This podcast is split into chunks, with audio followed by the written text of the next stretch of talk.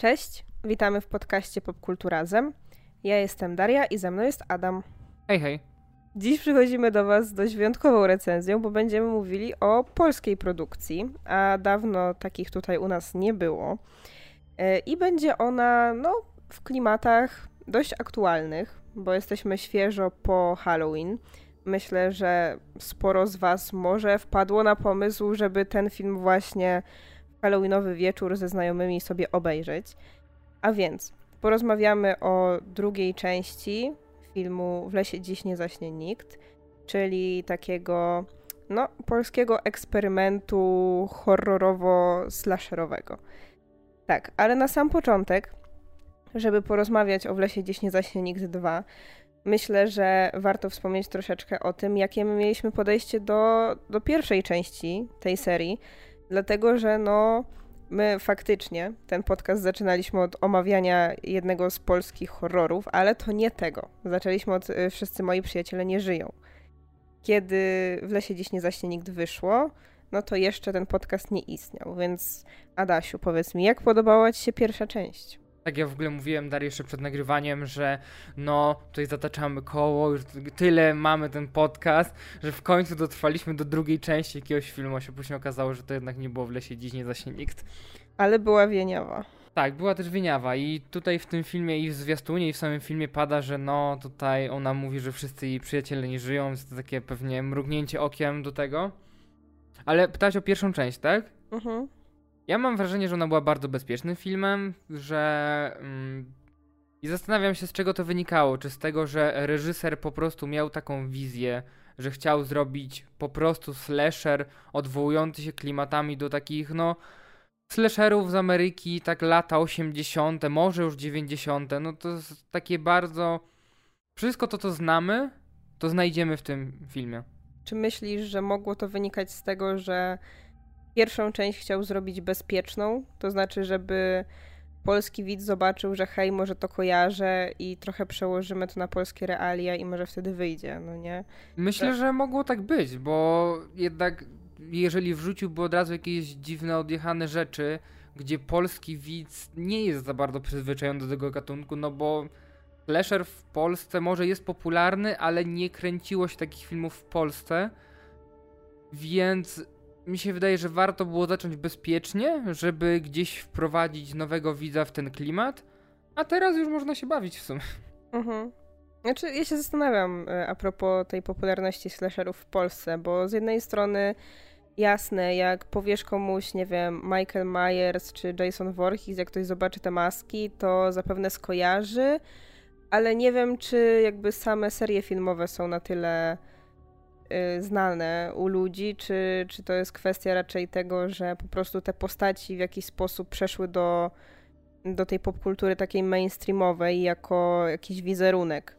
Więc no, nadal nie wydaje mi się, żeby slasher był jakiś mega popularny w Polsce, a na pewno, że nie powiedziałabym, że to jest gatunek, który jest y, bardzo lubiany u nas, bo odnoszę nadal takie wrażenie, jakby no pewnie ono wynika jakby znów przebywania w jakiejś bańce, albo no dobra, może akurat w naszej bańce jest więcej ludzi, którzy lubią slashery, ale z y, korzystania z konkretnych portali, z czytania konkretnych y, dyskusji, y, ja nadal na przykład y, czytając wypowiedzi ludzi na Filmwebie albo widząc generalnie jakie oceny zbierają różne horrory, odnoszę wrażenie, że u nas y, ten taki takim idealnym horrorem dla mainstreamowego widza jest nadal ten taki horror pełen jumpscarów i panuje takie przekonanie, że generalnie horror jest dobry wtedy, kiedy boję się po nim. A no wiadomo, że slasher to nie jest raczej ten podgatunek horroru, który ma straszyć. To, to nie o to tutaj chodzi No i bardzo. slasher też jest mocno specyficznym gatunkiem, bo tak jak mówisz, tam się nie straszy, a dodatkowo wszystkie te śmierci bardzo często są takie wymyślne i absurdalne. ale często też są bardzo umowne. Więc no, z drugiej strony możesz mieć fanów, nie wiem, serii takich jak Piła czy, czy coś ten desen, gdzie jest na przykład więcej e, scen takich gore, a w slasherach zwykle ich nie ma. W sensie tam jest bardzo dużo takich ujęć, y, w których śmierć jest właśnie w domyśle trochę, że my widzimy, że ktoś kogoś atakuje, ale nie widzimy samego aktu. Więc to też troszeczkę może wpływać u niektórych na negatywny odbiór, bo ktoś oczekuje czegoś innego.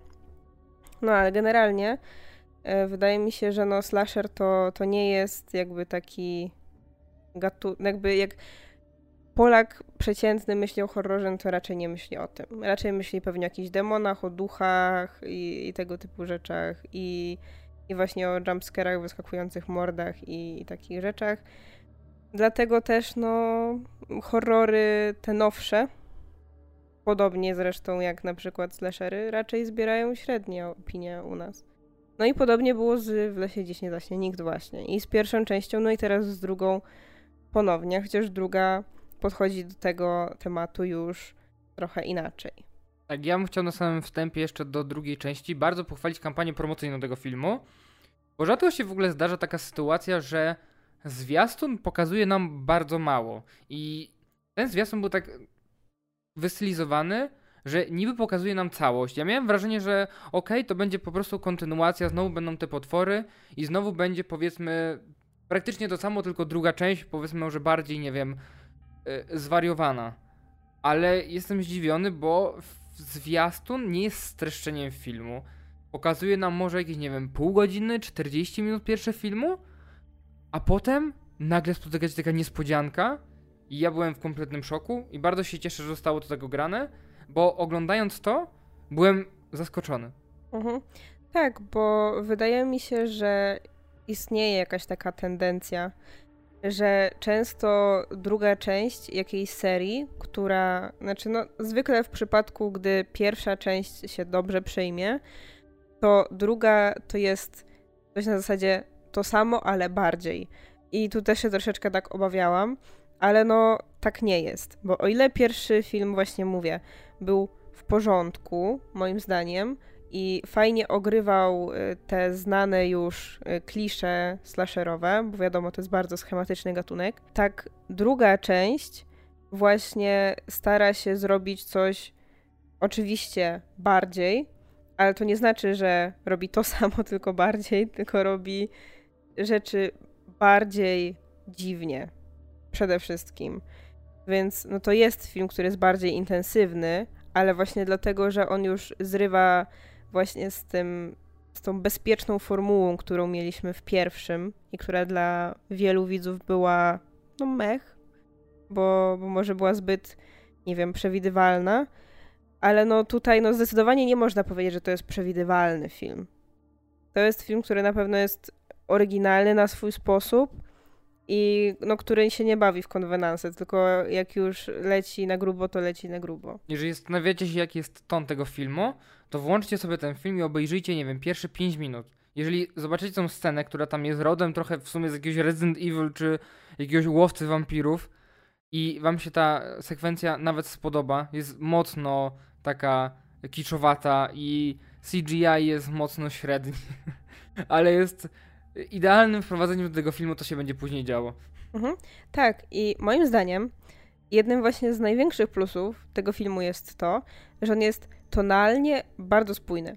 Pomimo tego, że w pewnym momencie mamy yy, jakby dużą zmianę co do tego, co się dzieje, jakby duże oderwanie od jakby wcześniejszej yy, części fabuły, yy, po tym takim jakby twiście, to cały czas ten film, jeśli chodzi o ton, jest bardzo spójny, bo już od samego początku do samego końca wiemy, że ten film jest bardzo samoświadomy i on wyraźnie nie traktuje siebie na poważnie. Dlatego też wiadomo, że podchodząc do oglądania go, trzeba również nie podchodzić do niego na poważnie. No bo jeśli właśnie podejdziecie do niego z takim oczekiwaniem, że chcecie dostać coś coś poważnego, coś, nie wiem, właśnie takiego budującego klimat grozy, no to to nie jest to. Ten film ma w sobie bardzo dużo takiego humoru i on widać, że powstał w takiej zabawowej atmosferze i że reżyser generalnie chciał zrobić coś bardzo rozrywkowego. Więc no, jeśli nie lubicie takich horrorów, bo chcecie się wystraszyć, a nie pośmiać, no to to nie jest raczej sens dla was. Ja w ogóle byłem mocno zdziwiony tym, że nie, nie wiem w ogóle czemu i nie powinno mnie to dziwić, ale jak okazuje się, że ta część dzieje się chwilę po poprzedniej, nie wiem czemu ale mnie to zdziwiło, bo zazwyczaj jest tak, że właśnie albo te horrory dzieją się rok po roku, ja sobie nie wiem czemu, ale ubzdurałem, że to się dzieje na kolejny rok, no bo na początku mamy dużo tej takiej sekwencji, gdzie nie pojawiają się bohaterowie z poprzedniej części. W późniejszej części filmu wracają bohaterowie i bardzo fajnie, bo to jest takie zawsze miłe, jak bohaterowie z poprzednich części wracają. Tak naprawdę ta część dzieje się zaraz po kolejnej. E, poznajemy Adasia, młodego policjanta posterunkowego, który mieszka w małej mieścinie, taki rodem z horroru. Tak, bo właśnie tutaj akcja dzieje się jakby cały czas, powiedzmy, następnego dnia, ale mamy zmianę perspektywy, bo nie obserwujemy już tej historii tak jak w pierwszej części, właśnie z perspektywy Zosi, czyli tej bohaterki graną przez Julię Wieniawę i ogólnie tych dzieciaków z obozu, tylko teraz właśnie naszym głównym bohaterem, którego losy będziemy śledzili, jest właśnie ten młody policjant, czyli Adaś. Oraz jego koleżanka Vanessa, ona, ona nie jest aż tak ważna, no, no tak, ale, ale, gdzieś tam, ale są. Gdzieś tam zazwyczaj razem e, chodzą i razem rozwiązują tą sprawę, powiedzmy. I kontekście tych dwóch postaci bardzo mi się podobało takie przełamanie schematu. W sensie, że e, Adam jest tym takim bohaterem, który jest bardziej delikatny, bardziej taki. Mm, to jest ta osoba, która się bardziej boi. On jest taką trochę Scream Queen w tej części, bym powiedział. E, a właśnie Vanessa jest tą taką bardziej doświadczoną, no bo jest i wyższa stopniem w pracy, i tą taką, która częściej podejmuje decyzje i mam wrażenie, że nie boi się konfrontacji tak jak on. Mhm. Ogólnie, jeśli chodzi o postać Adasia, to mi się bardzo podobało to, w jaki sposób on został wykreowany, bo jakby ktoś miał bardzo ciekawy pomysł na tę postać, bo to właśnie nie jest, no nie jest do końca tak, że on jest tylko E, tym, który się boi, jest trochę bardziej niepewny, ale no, on ma w sobie trochę więcej, bo przede wszystkim no pomijając już kwestię tego, że on faktycznie jest takim e, chłopakiem dość bojaźliwym, to on ma bardzo ciekawe takie podejście do swojej pracy. Właśnie ta już początkowa sekwencja pokazuje nam, że pomimo tego, tej jego nieśmiałości i tej takiej niepewności, to on jest takim człowiekiem właśnie pełnym ideałów, który podchodzi do swojej pracy bardzo na poważnie. Nawet jeśli sobie w niej jeszcze super nie radzi, no bo jest początkujący, to on ma gdzieś jakąś taką wizję pracy policjanta jako jakiejś takiej misji, gdzie on ma być trochę super bohaterem. I, I to jest bardzo ciekawe podejście i podobało mi się to, jak ta postać była zbudowana, ale no to też troszkę wynika, że z tego, że to jest taki rodzaj bohatera, którego ja lubię, bo generalnie odkąd pamiętam, zawsze lubiłam w filmach właśnie takie postaci mm, męskie, które były takie dość niezręczne w obyciu, takie właśnie nieśmiałe i trochę zamknięte w sobie i właśnie które nie do końca radzą sobie dobrze w relacjach, jak, jakby, bo są właśnie zamknięci. Nie chodzi mi o to, że są jakimiś toksykami czy coś w ten deseń, tylko właśnie, że są tacy bardzo bardzo nieśmiali i bardzo cisi. I to był taki rodzaj męskiego bohatera, którego ja zawsze lubiłam. Znaczy wiesz, mi też, mi też się to podoba, dlatego że no zazwyczaj jak już były te lata 90., wczesne 2000, no to jak był ten główny bohater, to musiałbym być takim macho z masą mięśni i on musiał być tym najlepszym, najsilniejszym, nie? Jakby teraz trochę się od tego odchodzi i dobrze, bo jest to takie można się, nie wiem, utożsamić z tym bohaterem, mi się wydaje, bardziej niż z takim macho. No, chociaż no nadal mamy jednak kino superbohaterskie, w którym no dominują tacy, powiedzmy, stereotypowo męscy mężczyźni, chociaż no stara się im teraz oczywiście dodawać troszeczkę więcej charakteru niż tym bohaterom, który grał, nie wiem, Jean-Claude Van Damme, y, tam Sylvester Stallone, czy nie wiem, Arnold Schwarzenegger, to, to już jest trochę więcej niż tylko kupa mięśni. Ale fajnie, że tacy bohaterowie są i fajnie, że pomimo tego, że ta fabuła w, w Lesie Gdzieś Nie Zaśnie Nigdy 2 mogłaby tak naprawdę wykorzystać postać Adasia do tego, żeby zrobić z niego taki comic relief, z którego będziemy się śmiali, no bo haha, patrzcie, y, gościu jest nieśmiały, pewnie jest cieniasem jakimś, to, to jakby twórcy tego nie robią. I oni nie przedstawiają go jako właśnie pośmiewisko, tylko przedstawiają go jako jakiegoś złożonego bohatera, który ma uczucia, emocje i no generalnie, przynajmniej w moim odczuciu, te jego emocje nie mają być czymś, z czego my się śmiejemy. On czasem zachowuje się w taki sposób, który dla nas może być zabawny w tej konkretnej sytuacji, no bo mamy do czynienia z horrorem, w którym dzieją się dziwaczne rzeczy, ale można się wczuć tak naprawdę w to, co, to, co on odczuwa, nie? Jeżeli w poprzedniej części brakowało wam mm, rozlewu krwi, no bo umówmy się, poprzednia część była taka tak jak mówiliśmy na początku, że dużo takich śmierci działo się w sferze niedopowiedzeń i gdzieś tam, e, no, nie było tyle krwi. Tutaj już reżyser nie boi się niczego, mam wrażenie. W sensie, że pokazuje nam się wszystko mocno dosadnie i te śmierci bardzo długie w większości przypadków i gdzieś tam jak e, oczywiście musi być żart z tego, że jelito i wyciągamy jelito z brzucha i ten żart jest powtarzany chyba ze dwa albo trzy razy. I śmierci ogólnie są bardzo wymyślne w tej części, bo nie jest tylko oczywiście wyciąganie jelita z brzucha takie typowe, e, horrorowe, ale gdzieś tam na przykład e, czy tam rozwalanie głów, czy wyrywanie głowy z kręgosłupem, a przynajmniej tak, tak mi się wydaje, że tam się to wydarzyło. No nie wiem, no nie musimy zdradzać e, jakby wszystkich śmierci, no ale generalnie tak, jest tutaj brutalnie, jest bardziej kreatywnie pod tym względem.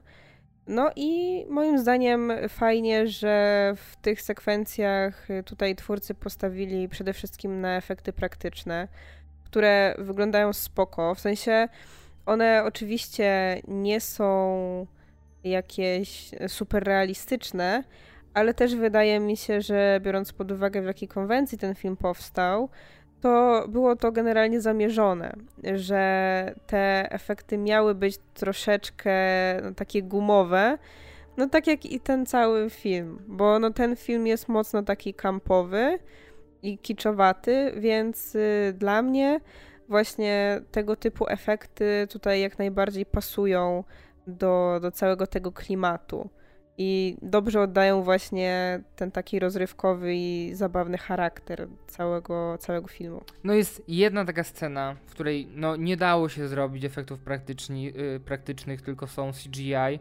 gdy jedna z postaci zostaje przepołowiona na pół. Więc tam widać, że te flaki, które jak on się czołga po podłodze, widać, że to jest CGI, no bo nie dało się tego inaczej zrobić. Ale jakby wszystko tak gra dla mnie, tak mówisz, że wszystkie efekty są takie praktyczne, dość kiczowate i jakby mi miło się to ogląda na ekranie, jakkolwiek tak, to nie brzmi. No bo przede wszystkim to pasuje, no nie? I, i właśnie ja, no ja szczerze wąt, wolę właśnie takie efekty niż takie, które silą się mocno na realizm, ale to może dlatego, że właśnie ja widząc takie efekty, gdzie widzę, że mam pewność, że to nie jest prawdziwe, pomimo tego, że no w innych filmach na pewno też nie jest, to nie brzydzi mnie to aż tak bardzo. Dlatego to jest dla mnie bardziej przystępne. Hmm, tak się zastanawiam. Możemy jeszcze coś powiedzieć w sekcji bezspoilerowej, e, co się działo. No bo jeżeli pójdziemy już dalej, no to wiadomo, że jest ten twist, którego nigdzie nie widzieliśmy. Więc no, nie bardzo możemy to tutaj. Masz jeszcze coś do powiedzenia w tej części bezspoilerowej? Wydaje mi się, że możemy właśnie po prostu podsumować i powiedzieć, jak nam się tak ogólnie podobało i komu ten film może się spodobać. No bo jeśli zdradzimy cokolwiek więcej z fabuły, to zepsujemy sens. Po prostu. Jeżeli pytasz, komu może się spodobać, sobie ciężko powiedzieć tak naprawdę, bo to jest dość specyficzne kino, bardzo takie absurdalne, krwawe. Uu, czy mi się wydaje, że fanom slasherów amerykańskich może się spodobać, ale i takiego absurdalnego kina, ale czy ciężko powiedzieć, komu ten film poleci tak naprawdę?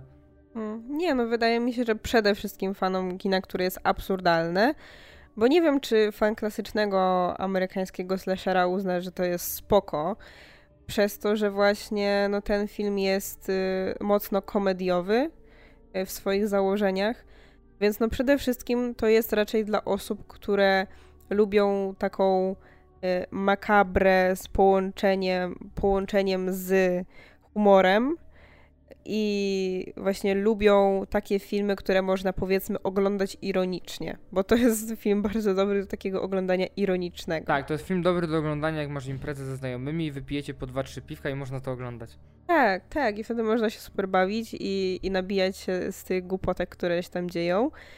I jakby do mnie te głupotki totalnie trafiły i ja się bawiłam super. I jakby no już pierwsza część dla mnie była spoko, tak na drugiej chyba bawiłam się jeszcze lepiej. W sensie to nie jest y, film, który bym powiedziała, że jest dobry, bo on nie miał być dobry. On miał być z założenia zły i moim zdaniem mu to wyszło. Prawda, jakby ja też się bardzo dobrze bawiłem i też mam wrażenie, że bawiłem się lepiej niż na pierwszej części, bo ta, ta druga ta, ta, ta, ta druga połowa tego filmu bardzo mocno rekompensuje e, jakby to, że to nie jest klasyczne, bo spodziewałem się właśnie już od początku tego filmu, że no okej, okay, mamy drugą część, ale po tym twiście miałem takie wow, to jest coś świeżego, czego jeszcze nie widziałem. Mhm. No i dodatkowo jest jeszcze ta taka scena po napisach, tych takich pierwszych chyba, która sugeruje nam, że możliwe, że doczekamy się trzeciej części, więc ja bym się nie obraził, bardzo czekam, bo jestem ciekawy, co jeszcze Kowalski wymyśli w tym filmie. Tak, ja też jestem bardzo ciekawa. Jak wiemy, no takie serie horrorowe bardzo lubią iść w dziwactwa z czasem i często to jest no głupie strasznie. No rozmawialiśmy ostatnio o serii Halloween. Możliwe, że słuchaliście tego podcastu, więc wiecie, jakie tam dziwaczne rzeczy się dzieją. I no nawet jeśli te filmy często wychodzą kiepsko, y, to i tak ja się lubię pośmiać z tych głupotek, więc bardzo chętnie obejrzę trzecią część, jeśli kiedykolwiek wyjdzie. I trzymam kciuki, żeby wyszła, bo, bo ci aktorzy wypadli fajnie. Tutaj, no, Julia Wieniawa spoko. Jakby ja jestem zaskoczona tym, jakie ona filmy wybiera. Na pewno ten film to nie jest coś, o czym byśmy pomyśleli na samym początku, jakby patrząc na nią i yy, że to nie jest coś, co ona by wybrała i w czym by zagrała. Zwłaszcza w takiej roli, jak gra tutaj, ale moim zdaniem bardzo fajnie to wypada. No i w roli Adasia mamy też y, Mateusza Więcławka, który też wypada bardzo fajnie i, i ma ciekawą rolę. Bo wcześniej w sumie widzieliśmy go tylko we Wszyscy moi przyjaciele nie żyją. I tutaj wydaje mi się, że w tym, w tym nowym filmie, w, w Lesie Dziś nie zaśnie nikt, miał on trochę więcej do pokazania i, i więcej, więcej zabawy na planie i wypadło to fajnie, więc Mam nadzieję, że ci młodzi aktorzy będą mieli więcej szans właśnie, żeby sobie takie kino rozrywkowe tworzyć. No, to jak nie widzieliście, to idźcie oglądać, bo akurat w przypadku tego filmu macie prosto, bo to jest na Netflixie, więc nawet nigdzie nie musicie iść. Siedziacie się na kanapie i oglądacie. Tak. A my przechodzimy do sekcji spoilerowej, gdzie porozmawiamy sobie przede wszystkim o tym, co się wydarzyło kiedy wydarzyło się dziwne. Tak, bo no to, co się stało gdzieś tam w drugiej części tego filmu, to jest coś, czego się w ogóle nie spodziewałem, bo ja się spodziewałem jednak, że druga część też będzie się opierała w głównej mierze na tych e, dwóch chłopakach, których poznaliśmy w pierwszej części, którzy byli tymi potworami takimi, mm, no, mordercami, takimi typowymi potworami slasherowymi, którzy gdzieś tam chodzą i mordują sobie e, dzieciaki, czy tam bardziej młodzież. A tutaj już jakby w sumie na samym początku, gdy y, y, bohaterka Julii Wieniawy gdzieś tam przychodzi z policjantem do tego domu z poprzedniej części na taki oględziny, on tam jakby spisuje całe zdarzenie, co się wydarzyło. No i nagle ten meteoryt się uaktywnia. No i w sumie trochę jak symbiont z Marvela przejmuje nad nią kontrolę. No i ona jest naszą główną morderczynią w tym filmie. I to jest w ogóle ciekawe, bo ja mam wrażenie, że ten film też się reklamowało nią trochę i tymi nowymi bohaterami, więc ja byłem totalnie zdziwiony, że nagle odwraca nam się o 180 stopni jej bohaterkę i to ona jest tym slasherowym potworem. Tak, no rzadko spotykamy się z tym, żeby nasza Final Girl stawała się tym głównym złym, którego się boimy, i to zwłaszcza już w drugiej części. Chociaż no też wydaje mi się, że no wiadomo, w lesie dziś nie zaśnie nikt, to nie jest, nie wiem, Halloween czy Piątek 13, który jest już tak kasowym hitem, takim klasykiem, że wiadomo, że dostaniemy jeszcze 15 kolejnych części. Więc możliwe, że tutaj po prostu reżyser stwierdził, dobra, pierwsze przeszło, to jak dostałem szansę na drugie, to, to już lecimy y, full wszystko i, i rzucamy tutaj wszystkie absurdy, które mi przyjdą do głowy. I to było bardzo niespodziewane, chociaż oczywiście teraz, jak się patrzy z perspektywy czasu, jakby już po seansie, na przykład na plakaty i na wszystkie zapowiedzi, to to wszystko tam jest, tylko my tego nie widzimy. No kto mógł się spodziewać, że coś filmu. takiego się wydarzy, nie? Tak.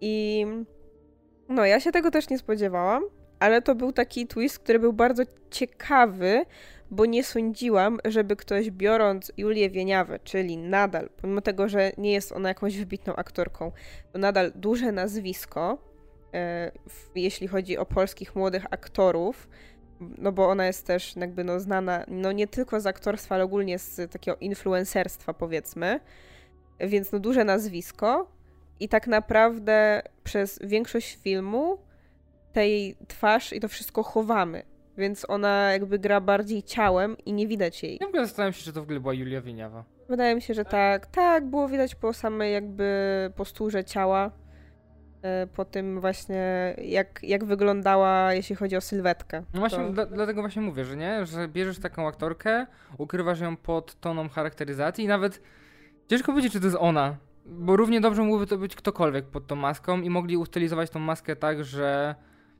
może to być ona, możesz domyślać się, że to jest ona, ale tak naprawdę mogłoby jej nie być na planie i tym bardziej, że później powiedzmy, że się nie odzywa. No tak. Nie?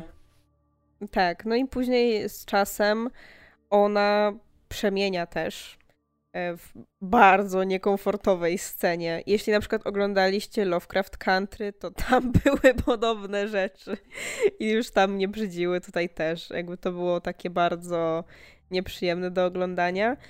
E, przemienia naszego Adasia w podobnego sobie. I to zaczyna w sumie ciekawy wątek, bo no, zawiązuje nam się tutaj tak naprawdę jakiś taki no, romans pomiędzy nimi, no bo z jednej strony ma to sens, bo od samego początku widzimy, że no to są bohaterowie, którzy no charakterologicznie są podobni do siebie bo oboje są no, takimi nieśmiałymi outsiderami, którzy nie są zbytnio doceniani przez otoczenie, nie są zbytnio lubiani.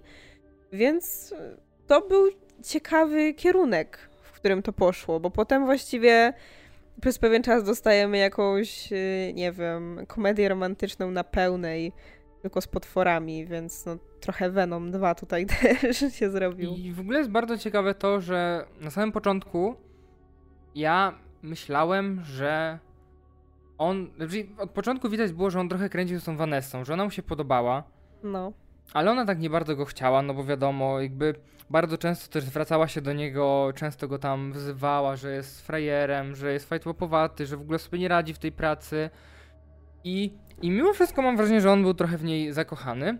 I właśnie później, jak już on się przemienia w potwora i nawiązuje tą więź z właśnie z Zosią, jakby widzi, że ktoś go docenia.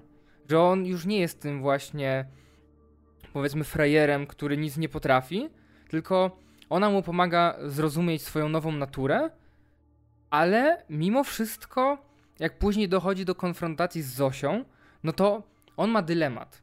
Mhm. No bo jednak cały czas gdzieś tam mam wrażenie, że czuje coś do tej Vanessy i nie bardzo chce jej zrobić krzywdy, a jakby Zosia nie ma żadnego problemu, jedzie wszystkich równo. Mhm. Tak, ale to też właśnie wynika troszeczkę z.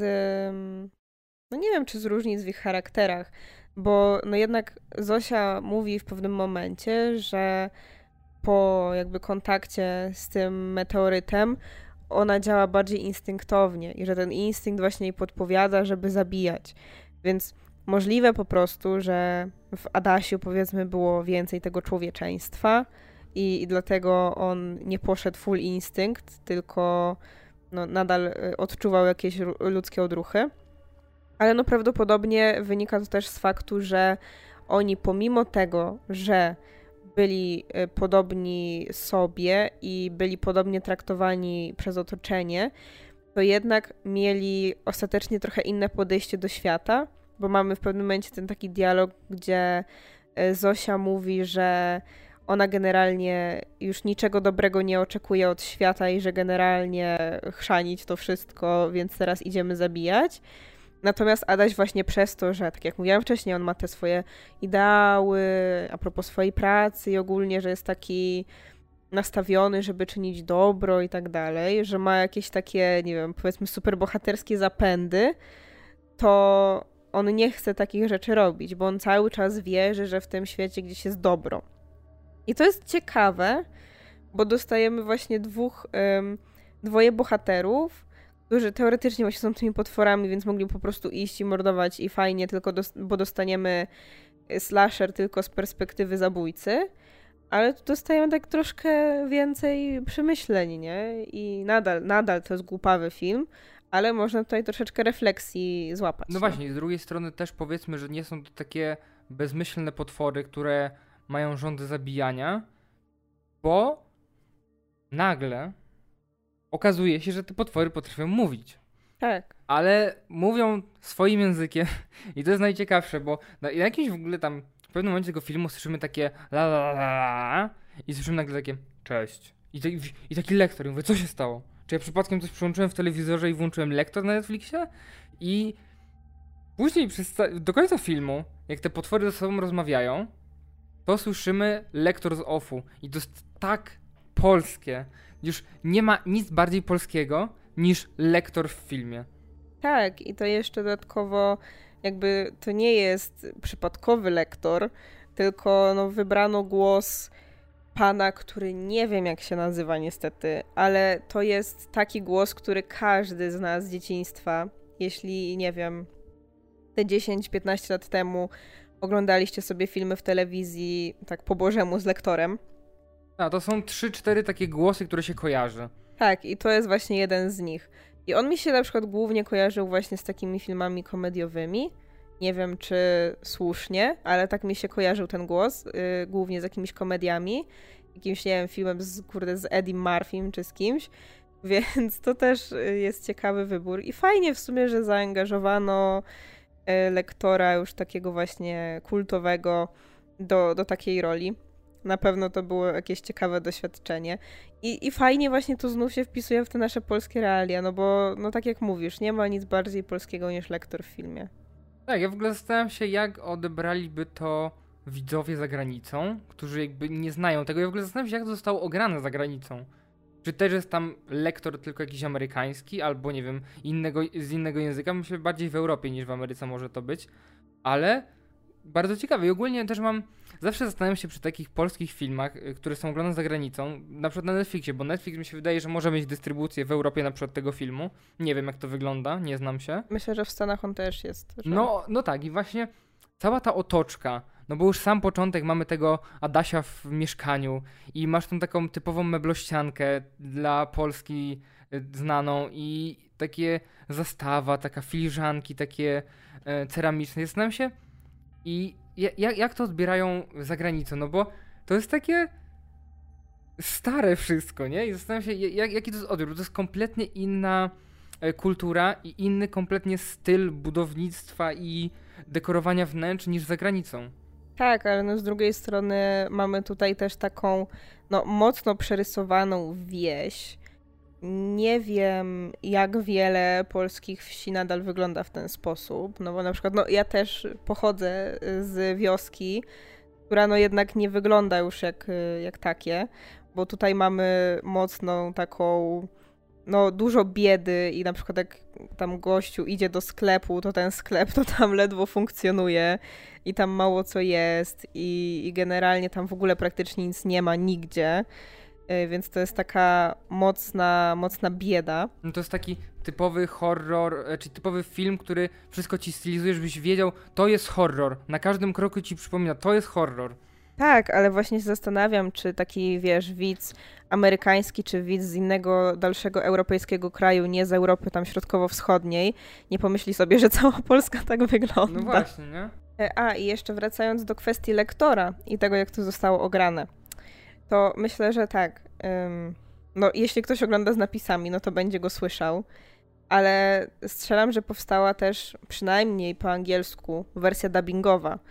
No i no tu będzie trochę inaczej, no bo wiadomo, że będziesz miał pewnie wszystkich aktorów z różnymi głosami i pewnie w tym po prostu momencie wejdzie jeden głos. Bo zastanawiam się, czy na przykład gdzieś za granicą była taka kultura lektorska jak w Polsce, nie? Chyba w Polsce, w Rosji, no generalnie no, ten blok wschodni. Strzelam, nie? że Ameryka nie, no bo wiadomo, że Amerykanie no nie, robią dla siebie, nie? nie, ale no, na zachodzie Europy też nie. Generalnie to jest taka rzecz właśnie typowo polsko-rosyjska i tutaj te nasze rejony. I w innych miejscach się tego w ogóle nie praktykuje i pewnie ci ludzie nawet nie wiedzą o co chodzi i cze czemu takie coś się dzieje. No i nie wiedzą za bardzo, co to jest lektor. Wydaje mi się, że no właśnie taki, taki właśnie voice-over, czyli taki lektor, na zachodzie pojawia się tylko no, w takich filmach typu filmy przyrodnicze, gdzie masz na przykład, jak u nas jest Krystyna Czubówna, tam jest na przykład David Attenborough, który po prostu coś opowiada, ale no to jest jednak nadal troszeczkę inna, inna stylistyka, nie? Bo na przykład wydaje mi się, że do Davida Attenborough się już bardziej podchodzi jak do takiego, nie wiem, prezentera, którego nie widać, że to jest już na takiej zasadzie, a nie, że to jest po prostu jakiś lektor, którego głos znamy, ale nie znamy za bardzo twarzy jego i on jest takim właśnie, no, głównie głosem w naszej głowie, i potem jak go zobaczymy, to jest takie, o Jezu, to nie może być ten człowiek, bo przecież ten głos to sam głos, nie, to nie ma człowieka do tego. Tak zawsze mi się tak kojarzy z lektorami, bo jak widzę już faktycznie tego człowieka i on mówi, to jest takie, nie. Tak, oni mają w ogóle głosy w ogóle niepodobne do człowieka. No, nie można mieć takiego głosu. No, więc ja w sumie jestem ciekawa, może włączałabym sobie tak po prostu, przełączyła na wersję anglojęzyczną, Ciekawe, żeby zobaczyć. taka opcja, bo ja nie sprawdzałem. Nie, myślę, że powinna być żeby sobie zerknąć. Ale no, no to nie teraz, to już wam o tym nie opowiemy, jak to jest, bo to już po nagraniu. No i samo zakończenie też również jest takie dość zaskakujące, mam wrażenie, bo praktycznie wszyscy giną. Nasi bohaterowie z pierwszej części, którzy przesiedzieli w ogóle cały film w więzieniu, nagle postanawiają się zabić i to też jest ciekawe w kontekście tego, co widzieliśmy w poprzednim filmie, a co widzimy tutaj, no bo teoretycznie wychodziłoby na to, że oni też są świadomi tego, co robią, mhm. ale z racji tego, że chyba oni byli dzieciakami, jak się zmienili, nie? Tak. Też pewnie mają trochę inną mentalność i inaczej postrzegają świat i to jest też bardzo ciekawe i szkoda, że tego nie rozwinęli, że nasi bohaterowie z tej części nie mogli z nimi porozmawiać, mhm. bo zastanawiam się właśnie, jak oni to wszystko pojmują w tym świecie. No ale no, postanawiają się wysadzić i Adaj zostaje zatrzymany. Tak. A Julia Wieniawa? Ginie. Ginie, no właśnie. Zostaje przejechana przez samochód. Tak, i właśnie y, to jest ciekawe właśnie w kontekście tych um, zabójców z pierwszego filmu, no bo często, znaczy, wydaje mi się, że na samym początku właśnie, jak y, nasz y, Adaś się zamienił w potwora, to początkowo jakby przez to, jak Zosia mu opowiadała o tym, co, jak to wygląda, starano nam się troszeczkę przedstawić to tak, jakby to życie jako potwór, którego generalnie nie obowiązują żadne zasady, który może robić dużo rzeczy, jest super silny i tak dalej, to jest coś fajnego. Że jakby wow, patrz, teraz możesz robić cokolwiek tylko zechcesz, no nie? I generalnie, no kij, tam ludzie pewnie nie będą cię lubili czy coś, ale ty możesz iść i ich zabić i wywalone. Ale właśnie przez to, że ci, yy, ci dwu, dwaj faceci z pierwszej części yy, się zabili, to właśnie myślę, że to był taki znak, że hej, to nie do końca tak jest. No bo strzelam, że no kurde, jak jesteś potworem, to jesteś mega samotny po prostu. Że oni pewnie no po prostu mieli tylko siebie, no bo przecież wszyscy inni się ich bali. Więc no to jest właśnie takie no, dwoiste powiedzmy, że z jednej strony fajnie hedonizm, robimy co chcemy, ale z drugiej strony no to nie możesz żadnej relacji z ludźmi jakby spoza powiedzmy tego potworzego kręgu stworzyć, no bo jak? No bo jesteś strasznym potworem. Więc to, to ciekawe. I jakby mnóstwo głębi w tym filmie jest. Jakie przemyślenia, nie? To chyba tyle. Wyczerpaliśmy całkowicie temat. I ja czekam na więcej takiego kina w Polsce. Więcej, może nie więcej, mniej komedii romantycznych i mniej filmów podobnych do Wegi, a więcej czegoś ciekawszego i bardziej zwariowanego. Ja jeszcze chciałbym przypomnieć taki film, oglądałem go mm, dawno temu. Atak Paniki się nazywał. I to też był taki film właśnie, to nie był, to był bardziej taka komedia. Mhm. I to też był właśnie taki ciekawy eksperyment. Czy mi się podobał ten, ten film, ciężko powiedzieć. Na pewno był inny i za to go doceniam, że, spró- że próbował wprowadzić coś innego na nasz rynek. Mhm. I podobnie jest tutaj. Te filmy są ok, podobnie właśnie jak Wszyscy moi przyjaciele nie żyją, czy właśnie W lesie dziś nie jest nikt. Te filmy są ok, ale właśnie z racji tego, że wprowadzają coś świeżego na rynek polski, to mam wrażenie też, że oceniam je bardziej pobłażliwie, z racji tego właśnie, że to jest coś nowego i dopiero jakby raczkujemy w tych gatunkach. Mhm. No, wydaje mi się, że ja przede wszystkim to doceniam dlatego, że no jasne, w polskim kinie powstaje dużo rzeczy rozrywkowych, powstaje dużo komedii, ale one nie trafiają do mnie. Dlatego cieszę się, że powstają tego typu filmy, które czerpią właśnie z takich gatunków, które ja lubię. I to są wreszcie filmy polskie rozrywkowe, na których ja się mogę pobawić. No bo w ostatnich latach, no, jak już coś takiego powstaje, no to głównie to są właśnie te komedie romantyczne, które no mnie nie kręcą totalnie. W sensie to nie jest gatunek dla mnie i jakby no ja przez to w ogóle za bardzo po nie nie sięgam. Nie wiem, jedyna taka seria, którą oglądałam, to były listy do M w ostatnich latach i tam niektóre części były ok, ale to w ogóle to nie jest komedia za bardzo. Ta, tam jest za dużo płakania w tych filmach, więc to nawet nie są do końca komedie. Ale no, generalnie, no powstaje tego dużo i, i widać, że no jest na to kasa, więc mam nadzieję, że trochę tej kasy pójdzie na rzeczy właśnie w trochę innym stylu, żeby to nasze kino było troszeczkę bardziej zróżnicowane, żebyśmy mieli coś oprócz właśnie komedii romantycznych, kina wegi, filmów historycznych i tych takich y, smutnych dramatów, mrocznych o tym, że w Polsce wszyscy piją alkohol i jest smutno. Jakby one często są dobre, ale fajnie jakbyśmy po prostu mieli więcej różnorodności. I wydaje mi się, że fajnie, że idziemy trochę w taki kierunek właśnie na przykład horrorowy, chociaż no ja się troszeczkę obawiam, jak to będzie działało dalej, dlatego że no niestety, ale no widać po reakcjach ludzi, że nie ma zbyt dużej publiki na takie kino u nas. Ogólnie mam wrażenie, że jest horror i slasher to są straszne nisze, że widać ile te filmy zarabiają w porównaniu do innych y, gatunków, nie? No, a zwłaszcza w Polsce, zwłaszcza, że no, jest nadal całe grono ludzi, którzy no, mają takie przeświadczenie, że to, jeśli chodzi o kino, że amerykańskie zawsze będzie lepsze niż polskie. Że często ludzie mają takie, nie wiem, jakieś przeświadczenie, że y, polskie to będzie zawsze źle zrobione, że polskie to będzie cringe'uwa i trochę mnie to smuci z jednej strony, z drugiej strony może trochę rozumiem, że ludziom się już troszeczkę przejadło to, to właśnie biała plakatoza i te, te wszystkie komedyjki z Karolakiem i już przez to są tak negatywnie nastawieni. Ale no z drugiej strony właśnie to może troszeczkę podcinać skrzydła i też wpływać na to, jak to nasze kino będzie się po prostu rozwijało, bo no jeśli nie ma kasy, nie ma widzów, no to nie będzie kolejnych takich filmów. A no już widzimy, że w Lesie Dziś Nie Zaśnie Nikt po ile? Po tygodniu od premiery na Filmwebie ma średnią w okolicach 3-3,5. To jest bardzo mało.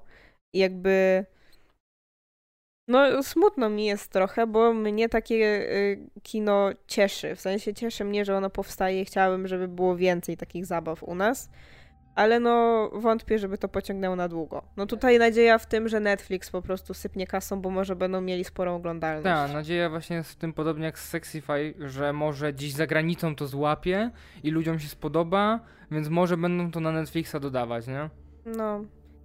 No tutaj właśnie mówię, tutaj plusem jest to, że tutaj Netflix dużo kasy wykłada. Jakby Więc Czyli dużo. trochę- Ciężko powiedzieć, czy dużo. Mi się wydaje, że dla nich to nie musi być dużo, no bo to jest po, po pierwsze w Polsce, po drugie horrory nie są drogie. No ja wiem, no w sensie chodzi mi o to, że pewnie sporą część, że Netflix pewnie wywala więcej niż Polski Instytut Sztuki Filmowej na to, więc jakby ich to odciąża i to nie jest y, coś takiego, w co oni nie będą inwestować, w sensie tam PISF, bo ktoś im dorzuci z zewnątrz.